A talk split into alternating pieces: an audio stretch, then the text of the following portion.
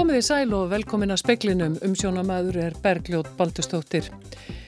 Hvassviðri sem gengur yfir landið hefur valdið því að erfilega hefur gengið að koma flugfarþegum frá borði á Keflavíkurflugvelli. Engverjar flugferðir hafa verið feldar niður. Landeigundur við Finnafjörð telja að alþjóðleg stórskipahöfn þar verði óásættanlegt ingripp í náttúruna. Framkvæmtastjóri einhverfu samtakana gaggrínir að þjónusta við einhverf börn falli undir þrjú ráðuneyti og að það vanti upp á að kerfin vinni saman. Hún veit um þrjú einhverf börn sem ekki sækja skóla. Yfir 750 eru látnir í ebólu faraldri sem geysar í austur Kongo. Á annað þúsund hafa veikst. Illa gengur að hefta útbreyðslu faraldursins. Sjúkrahótelið við Landspítalan hefur fengið hæstu engun í vistvottun sem hús hefur fengið á Íslandi. Ljóst er að ríkið mun hafa lífskjara samningin sem samið var um á almennamarkaðanum að leiðaljósi í viðræðum við ofinbæra starfsmenn. Um síðustu mánar mót losnuðum 150 samningar. Og í lok speilsins heyrum við af auknum áhuga á roksögusýningum á listasöfnum. Hvassviðrið sem gengur yfir landi í dag hefur áhrif á flugsamgöngur til og frá landinu. Fresti hefur þurft flugferðum frá landinu síðdegis. Landgangar í Savia voru teknir úr notkunum miðjan dag, daginn í dag, þannig að floknara hefur verið að hleypa fólki frá borði. Guðjón Helgansson er upplýsingafulltrúi í Savia. Já, fyrir í dag um tvöleitið þá voru allir landgangar teknir úr notkun uh, þar sem vindræði fór yfir 50 núta og þeir eru þá teknir úr nótkunn af öryggisástæðum. Uh, síðan þá hafa vélar frá Æslandir og Wizz Air lent. Þjónustæðilar eru byrjaðir að nota stegabíla til þess að hleypa fólki frá borði og það er búið að tæma tvær vélar. Hefur fólk þurft að býða já, tímunum saman eftir að komast úr vélunum? Fólk hefur þurft, uh, vélar uh, byrjað að lenda millir klukkan þrjú og fjögur setnipartinn dag og síðan þá hafa einhverjur þurft að býða, já. Og þetta var Guðjón Helgásson og það var Jón Hákon Haldursson sem talaði við hann. Landeigandi í Finnafyrði við Langanes líkir áformum um stórskipahöfn í fyrðinum við náttúruhamfarir. Sveitastjóri Langanes byggðar vonar að það náist að sætta landeigundur og að náttúran fá að njóta vafans. Í vikunni voru undirreitaði samningar um stopnum tveggja félaga um þróun og rekstur stórskipahafnar í finnafyrði. Á meðan margir fagnar þessu verkefni eru aðri sem telja að alþjóðlega stórskipahöfn á þessum stað séu óásættalegt ingripp í náttúruna. Einn þeirra er reyma Sigur Jónsson bóndi á felli. Ja, ég mun klárlega aldrei sætta með þetta. Ég er alltaf mikill náttúruvenda sinni til þess. Mm. Bæði út af landinu og fiskimiðunum og og dýralífinu bara yfir heil, í heilsinni. Mm. Svo myndi ég nú halda að þetta væri bara náttúrusbjöld, hann farir. Elias Pétursson sveitastjóri Langanesbyggðar vonar að náttúrun verði láti njóta vafans og telur mikilvægt að sátt náist við landægöndur. Ég er náttúrulega trúið því allan að náttúrun verði láti njóta vafans og það er allt það sem við ætlum að gera og inn í samningana eru hreinlega skrifuð atriði sem að gera það verkum að við heimamenn höfum mikið um það að segja hvað gerist.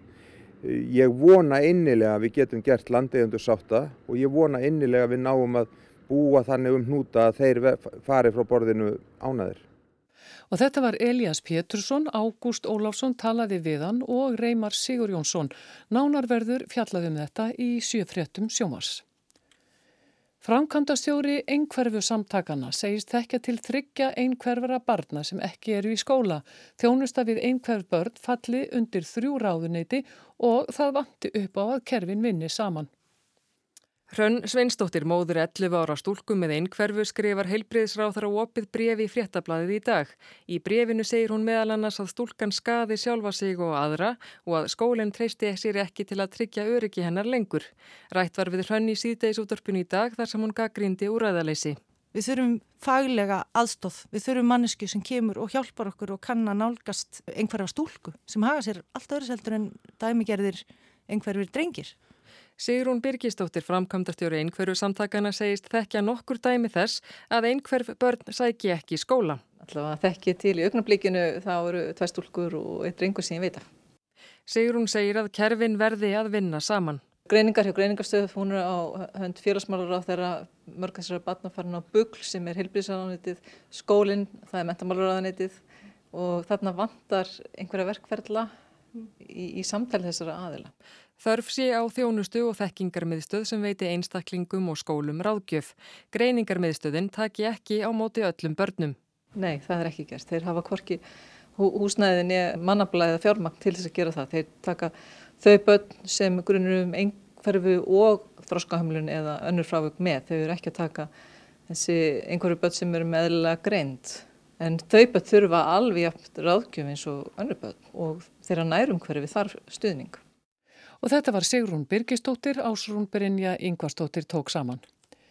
Þúsundir endur kröfu beðina hafa borist böngum og kortafyrirtækjum vegna gjaldþróts VÁR.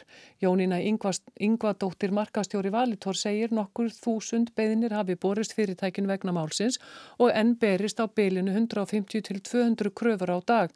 Hildar fjárhæð þeirra liggi ekki fyrir.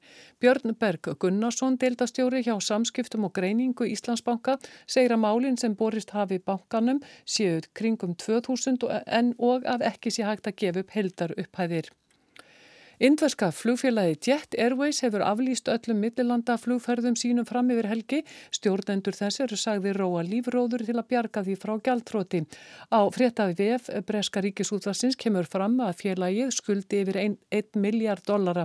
Stjórnvöld á Indlandi hvaðust í daga ætla að rannsaka hvort flugfélagið gæti haldið áfram starfsemi og tryggja að farþegar yrðu fyrir sem minnstum óþægjendum ef það færi í þrótt. Jet Airways var til skams tíma næst stæsta flugfélag Indlandi. Indlands.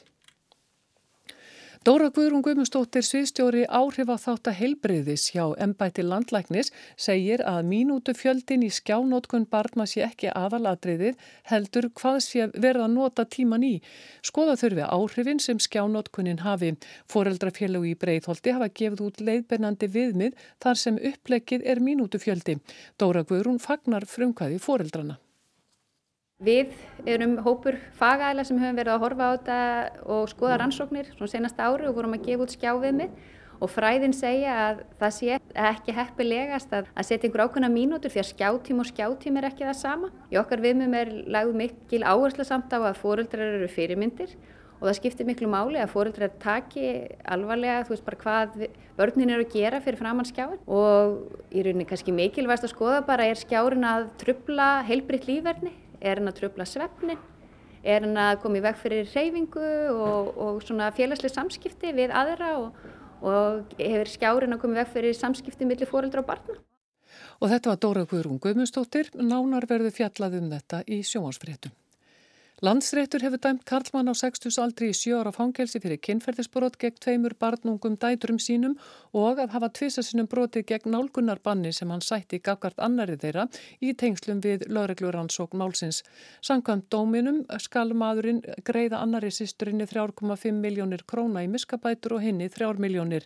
Karlmaðurinn hafði áður verið dæmtur til tíu mánada fangelsisrefsingar fyrir kynferðisbrot gegn eldstu dóttur sinni, hálfsýstur hinna tvekja. Og alþjóða heilbreyðistofnunin segir að yfir 750 manns hafi látist í nýjasta ebólu faraldrinum í Östur Kongo og hátt í 1200 veikst. Starfsfólki hjálparstofnana gengur illa að hefta útbreyslu veikinar. Faraldurinn braust út í ágúst síðastliðnum. Hann er sagður sá skæðasti sem komin hefur upp í Östur Kongo. Nýjustu tölur alþjóða heilbriðismálastofnunarinnar eru frá 9. apríl. Samkvæmt þeim er 751 látin í héröðunum Norður Kívu og Ítúri í austur hluta landsins. Átti 1200 hafa vext. Starfsmenn Rauðakrossins á svæðinu segja að faraldurinn færist frekar í aukana heldur en hitt. Að sögnleikna án landamæra eru viðbröð um heimsins svo fáleg að ekki er við neitt ráðið. Á sumum svæðum er fólk svo tortryggið í garð helbriðistarfsfólks að það leitar sér ekki læknishjálpar hvað þá að fara eftir fyrirmælum yfirvalda um eh, smittvarnir. Einnig hamla árásir vígasveita hjálparstarfinu. Þar af leiðandi er ekki hægt að bólusetja fólk eða hlúa þeim sem hafa vext. Faraldurinn sem nú geysar er sá tíundi sem hefur komið upp í Östur Kongo frá árinu 1976. Árið 2014 kom upp ebólufaraldur í ríkjum í Vestur Afriku. Þá létust yfir 10.000 manns í Gíneu, Líberíu og Sierra Leone. Áskeir Tómásson sæði frá. Sjúkrahótel Landsbítalans er eitt umhverfis vænsta hús á landinu og fekk hæstu engun sem hús hefur fengið á Íslandi samkvæmt vistvottunarkerfinu Brím. Það fekk 81% stega. Vaksandi áhugi er á vistvænum byggingum bæði hjá hennu opimbera og enga aðlum, segir Helga Jóhanna Bjarnadóttir verkfræðingur og sviðstjóri umhverfismála hjá verkfræðustofunni Eblu. Speilin mælti sér mót við hana á göngum hins nýja sjúkrahótels. Það er ýmsi hlutir hér í byggingunni sem, að, sem búða huga að og tryggja séu í lægi gegnum allt ferlið. Sko, er þetta þá uh, hérna bara betri steipa eða eitthvað svoleiðis? Um, það eru mjög margi þætti. Það eru margi þætti sem snúa að heilsu og velíðan sem eru í þessari byggingu uh, eins og til dæmis hugað að hljóðvistarhönnun, lýsingarhönnun og loftgæðum sérstaklega og því er fylgt á eftir í framkvæmda tímanum að menn velji efni sem að gufa ekki upp rókjörnum lífrannum efnum til dæmis og, og, og valda það ekki slæmum loftgæðum. Það er huga mjög vel að e, e, lýsingunni. E, við hugum líka að þáttum eins og orku nýttni í, í svona výstæðni hönnun að velja inn búnað sem að nota litla orku, loftræstingin nota litla orku og lýsing Er eitthvað svona sérstakt við þessa byggingu? Ég veit að þetta er allt sérstakt sko, en er eitthvað svona eh, sérstakt sem það er hægt að nefna í samvætið þessa byggingu? Já, við horfum á atriði sem gætu bætt inn í vistina í byggingunni og þá sérstaklega loftgæðin og uh, gerðum kröfur um að byggingarefni, svo gólvefni, loftaefni, máling, lím og lökk og þess áttar inn í heldu uh, undir ákveðnum kröfum af lífrænum rókjörnum efnum eins og formaldi hýði og, og þess áttar. Er dýrara að uh, uh, reysa svona byggingar sem eru umhverjusvænar? Ef að litið er á heildina, allan lífferilinn og allan notkuna tíman, þá er það ekki talið vera dýrara. Það er ekki til íslenska rannsóknir en der við nýbyrjuð ásinn. Erlenda rannsóknir sína það að uh, fyrir skrifstofuhúsnæði þá erum við að tala um að það sé mjög sambarlegt og ég apfél geta menn uh, séð tækifæri á breytingum á byggingunum þannig að það dræði úr kostnaði. En þetta hefur mjög mikið að gera með uh, notkuna tíman sem stæði heilsu og velíðan en við erum að tala um til dæmis vinnustad uh, það sem eru margir að vinna. Þá getur góð heilsu og velíðan í byggingunni sem bygging sem stuðlar að góðra heilsu og velíðan dreyið úr veikindadögum og það er rosalega mikil kostnæðar af slíku. Þú nefndir hérna hljóðvistina áðan og það, ég er ekki vissum að, að hlustendur áttir sig á því að við stöndum hérna í sko móttöku og undir velum kringustafi hefðar haldið að væri kannski svolítið bergmál, það er ekki, það er engin starf sem er hérna og ef við löpum hérna aðeins og förum, þá erum við komin hérna inn á gang og ég held að Ég held að hljóðlistin hérna sé í rauninni, ég held að heyrengin að við erum á gangi og heyrengin að við erum í stóru rými. Hvernig er sko farðað í að hafa hljóðlistina, hvað er gert? Þegar maður er að hanna hljóðlistina já, þá er hugað að ómtíma hljóðs og þá er valin efni sem að, sem að dempa hljóð þegar það var við og eins erum við að horfa á hljóð einangruna millir rýma, þannig þá er valin valda lausni sem að henda til þess og það sem er eh, líka nýtt í þessum byggingum að við erum að fylgja eftir, það er ekki nóg að hönnunin hafi verið gerð, heldur erum við að fylgja eftir allaveg í fullbúna byggingu að það sé, það sé mælt hljóðstegið og eftir og séð hvort að við höfum náðu þessu gegnum framkvæmdina. Hvers vegna til dæmis fekk þessi bygging svona háa engun?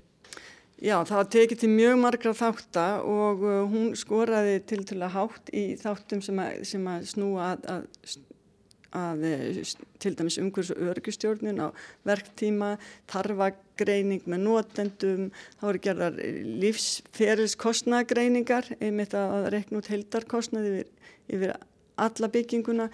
Um, vistvæna samgöngur skora líka mjög hátt hérna, það er hér aðstæða fyrir hjólandi, störtu aðstæða og, og það er mjög góð aðstæða líka og verður hérna fyrir utan, um, rafbílastæði og örugar göngu og hjólaleiðir uh, verða hannar hérna, síðan er úrgangsmál, það er tekið til, til úrgangsmála á byggingatíma, líka á notkunatímanum, flokkun, úrgangs og, og meðhandlun og, og uh, það voru markmið til dæmis á framkvæmdatímanum að draga úr úrgangi og að sem mest af þeim úrgangi fór til endurvinnslu. Um, orgu nýttin eins og ég uh, hef nefnt, það er lagt upp úr góður orkunýtni og það var, voru gerður orku útreikninga fyrir þessa byggingu sem er svona fyrsta skipt sem það er gert á Íslandi á þann hátt sem var gert í þessari byggingu. Er það rétt að þetta, er, að, að, að þetta hús hefur fengið, hæstu einhvern sem að hús hefur fengið á Íslandi? Já, þessi bygging fekk 81% stiga sem er excellent einhvern og það er það hæstu sem hefur verið gefið hinga til. Það er þannig að e, það er, það er svona tennslagsvottun, það er annars vegar vottun á hönnunni og svo vottun á fullbúni byggingu. Þessi bygging er búin að fara í gegnum uh, hönnun á vottun og þá er, er yfirfarið, all hönnun er yfirfarið og ég, ég fer yfir þá að síðan er það sendið bérið Breitlands sem er í rauninu vottun á aðilinn. Uh, síðan er líka vottun á fullbúni byggingu og það eru nokkra bygginga búin að fara í gegnum slíka vottun. Þessi er á leiðinni eftir 1-2-3 mánuði, þá verður hún komin í gegnum fullna vottun. Eru fleiri byggingar sem þú ert með á þinnu konnu sem að er að fara í gegnum þessa vottun hér á landi? Er þetta ekki eitthvað að byrja hérna svolítið? Já, allar byggingarna hér í nýjum landsbytala, það munu fara í gegnum þessa vottun og þá þá næst meðferðarkjarnin. Síðan er þjóðgarðamiðstöðun á Þingvöllum, hún er í vottunarferðli uh, líka Hellisandi og, uh, og hérna í Vatningustjóðgarði, þar eru tvær sem hafa farið í vottun. Um, skrifstofabygging Eblu, ný upp á Línkálsi, hún er í vottunarferðli svo eitthvað sem nefnt, skrift, nýja skrifstofur Altingis líka. Í rauninni hefur framkvæmda sísla ríkisins sett allar byggingar núna í þetta ferli og Reykjavíkuborg sömu leiðis er að setja sína byggingar í, í gegnum þetta vottunarferli. Og síðan eru nokkur enga aðla líka farnir að gera það. Þannig að þetta er svona að byrja hér á landi? Já, þetta er að byrja, þetta, þetta byrjaði fyrir nokkrum árum en það er ákveðin aukningi í þessu núna. Já, e, e, sem, sagt, sem að þið verðið vör við? Já, við verðum börð við aukin áhuga og líka þá frá enga aðlum. Og þetta var Helga Jóhanna Bjarnadóttir.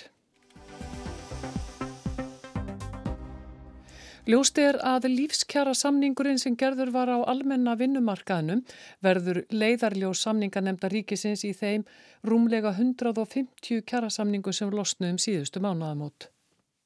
Kjærasamningar margra heilbriðistjétta eru lausir. Samningar lækniða Læknafélags Íslands losnuði í lok februar. Nokkrir fundir hafa verið haldnir með samningar hefndi ríkisins en erfilega gengur að fá upplýsingar um kröfur lækna. Að öllu líkindum hafa þær hreinlega ekki verið lagðar fram. Gerardómur sem hveðin var upp til að stöðva verkvöldu ljósmaðran rann út um síðustu mánáðamót og sömulegis gerardómur sem hveðin var upp vegna kjarateli hjúknunafræðinga á sínum tíma. Þá eru lausi samningar annara háskólamanna sem að starfa innan helbriðiskerfisins eins og til dæmis náttúrufræðinga, geislafræðinga, lífeindafræðinga og auðiðþjálfa. Einni eru hópar innan BSRB sem starfa í helbriðiskerfinu. Það hefur komið fram að háskólamenni taka illi að sami verðum krónutöluhækkanir launa og vilja laun hækki í prósentum. Hins vegar er ljóst, uh, líka ljóst að hendur ríkisins sem er stór þáttakandi í lífskjara eru bundnar við að sami tótn verði slegin í öðrum samningum. Lífskjara samningurinn er hverður á um að mánadalaun hækki árlega um það bylum 17.000 krónur. Lægstu launin, takstalaunin hækki fyrsta árið um 17.000 krónur og svo þrísvarsinnum um 24 til 25.000 krónur. Þetta eru tölurnar sem laðar verða á borðið hjá ofinbörum stafsmönnum. En líklegt er að auðveldar að verða semjaði hópeinan BSRB en BHM og svo eru samlingar kennara líka lausir. Ofinböri stafsmenni gera sér grein fyrir þessari stöðu en krafa þeirra er og hefur verið lengi að meta í mentun til launa. Spurningin er hvernig samningar eiga eftir að þróast í þessu ljósi. Stjórnvöldur eru bundin af nýgerðum kjara samningum og get ekki samið um nýja launastefnu nú þegar bleki rétt að þorna á lífsgerðarsamningnum en það gæti reynst erfitt að ná samningum. Tökum dæmi um hjógrunafræðinga. Í skýslu ríkisendurskoðuna frá 2017 telur stofnunum ég brínt að nýlegu hjógrunafræðinga verði hraða til að bregðast í skorti á hjógrunafræðingum í íslenska heilbreyðiskerfinu. Verði það ekki gert gæti það haft óæskileg áhrif á gæði heilbreyðistjónustunar og öryggi sjúklinga. Þetta eru stór orð. Í lóku 2016 hafi vantað um 225 stöðugildi í heilbreyðiskerfinum og að auki þurfi að fjölga hjúgrunafræðingum um 180. Bentir á að hjúgrunafræðingar séu almennt í 70% starfi sem þýða skortur er eða var á um 570 hjúgrunafræðingum Háskólanir hér hafa jafnaði síðustu fimm ár útskrifað um 125 hjúkunarfræðinga og í skýslu ríkisendurskoðanar er bent á að um 10% mentara hjúkunarfræðinga séu í öðrum störfum og 9% er búsett í útlendum. Við þetta bætist að þeirra skýslan var gerð stemdi í að 15 hjúkunarfræðinga næði rétti til töku líferis á næstu þremar árum og líka við þetta bætist að álag hefur aukist jamt og þér.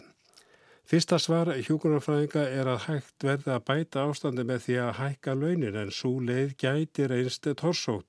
Líklegast er að reynd verða að semjum breytingar á vinnutímu og vöktum og almenntum breytingar á starfsungverfi hjúkunarfræðinga og annara háskólamanna.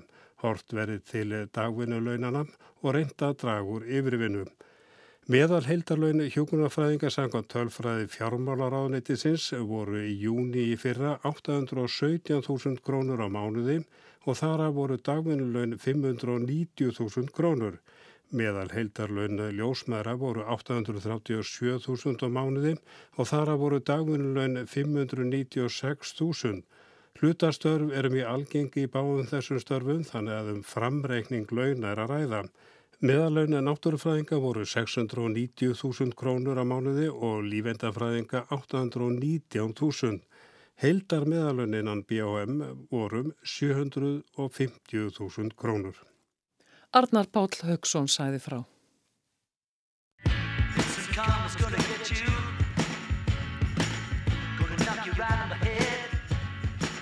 Í vel rúma sex áratví hafa rocktónlistinn og dægurmenningin henni tengt verið hluti af lífi íbúa Norður-Ameríku, Vestur-Evrópu og Eyjálfu.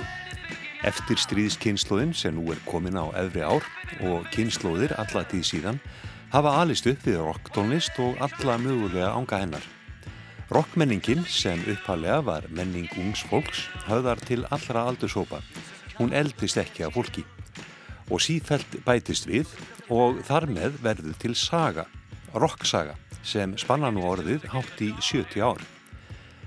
Á undanfjöldnum árum hafa söpn og síningarsalir í vesturheimi sínt þessari sögu aukin áhuga.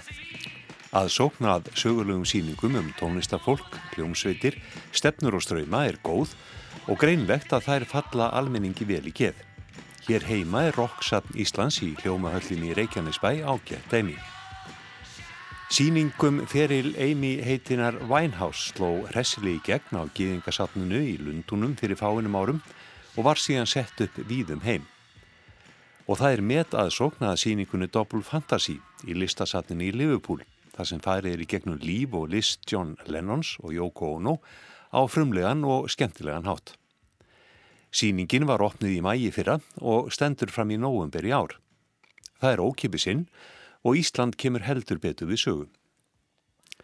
New York Times vekur aðteiklega á því að á Manhattan eru nú fjórar síningar um rocktónlist og rockmenningu.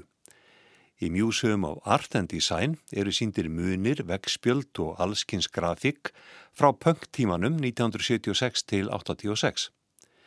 Museum of Sex einblýnir líka á punkið og er með síningu um samband punks, kynlífs og erotíkur á áraunum 1971 til 1985.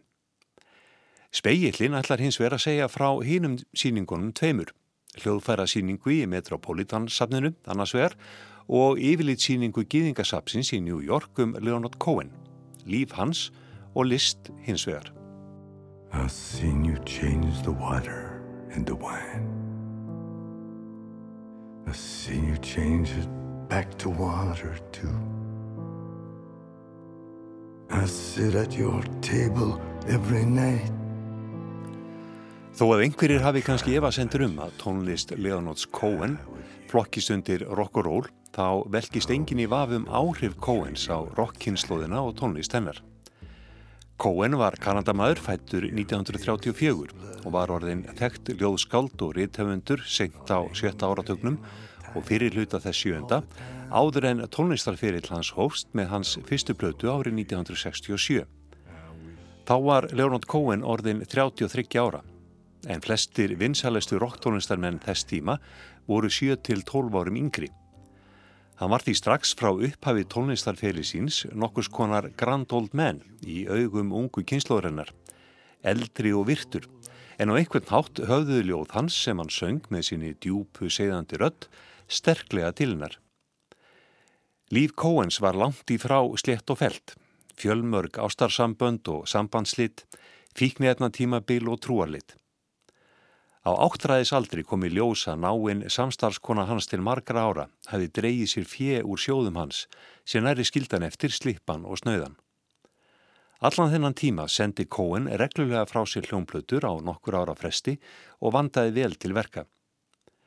Síðasta plata hans kom út haustið 2016 þegar Cohen var 82 ára gammal, aðeins nokkrum dögum fyrir andlót hans. Sýningin um Cohen í gýðingasatnunu á Manhattan var uppalega sett upp í heimaborg hans, Montreal, og vakti mikla aðtikli. Sérstaklega þykir áhrifaríkt myndbansverk eftir Candice Brights, I'm Your Man, þar sem 19 karlar, allir eldri en 65 ára, raula lög Coens. Þegar komiður inn í salin þar sem verkið er sínt er eins og karlarnir taki á móti gestónum, allir í fullir í stærð og við tekur áhuga mikil hugleðing um stjórnudýrkun, elli og hverfuleika. I'm leaving the table. I'm out of the game.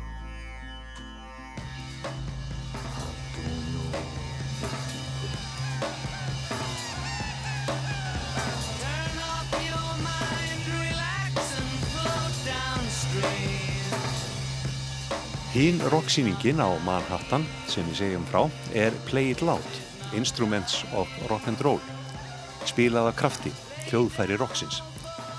Þar eru gestir margir hverjir á heimavelli, í það minsta áhuga fólk um gítara, bassa og trommusett. Þarna má sjá hljóðfæri sem eru nánast rockhetjur í sjálfu sér. Ludvík trommusett bílana sem Ringo Starbarði, Gibson Blackie gítar Eriks Claftons, handmálaður gítar Jimi Hendrix og fleira. Í einum salnum er aðteglinni beint að allskins hljóðfærum í hljómborstildinni sem ekki hafa öll staðist tímans tönn og elst illa. Hljóðfærum sem nýjunga gjarnir tónlistamenn geru tilrunir með eins og Mellotron og Múk hljóðgerfil. Múk tröll reyðsvokallaðir í framsækinin tónlist upp úr 1970 og voru helstu páar í þeirri dild til Rick Wakeman í Yes og Keith Hittin Emerson í Emerson Lake og Palmer tríuun.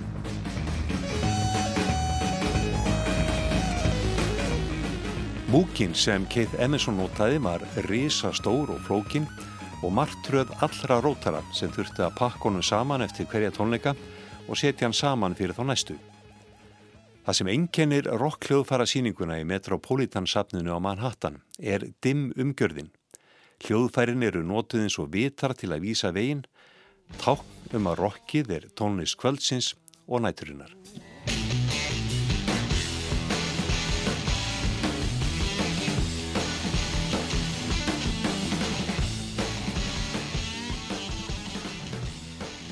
Og þarna heyrum við í Jimi Hendrix, það var Kristján Sigur Jónsson sem tók pistilinn saman.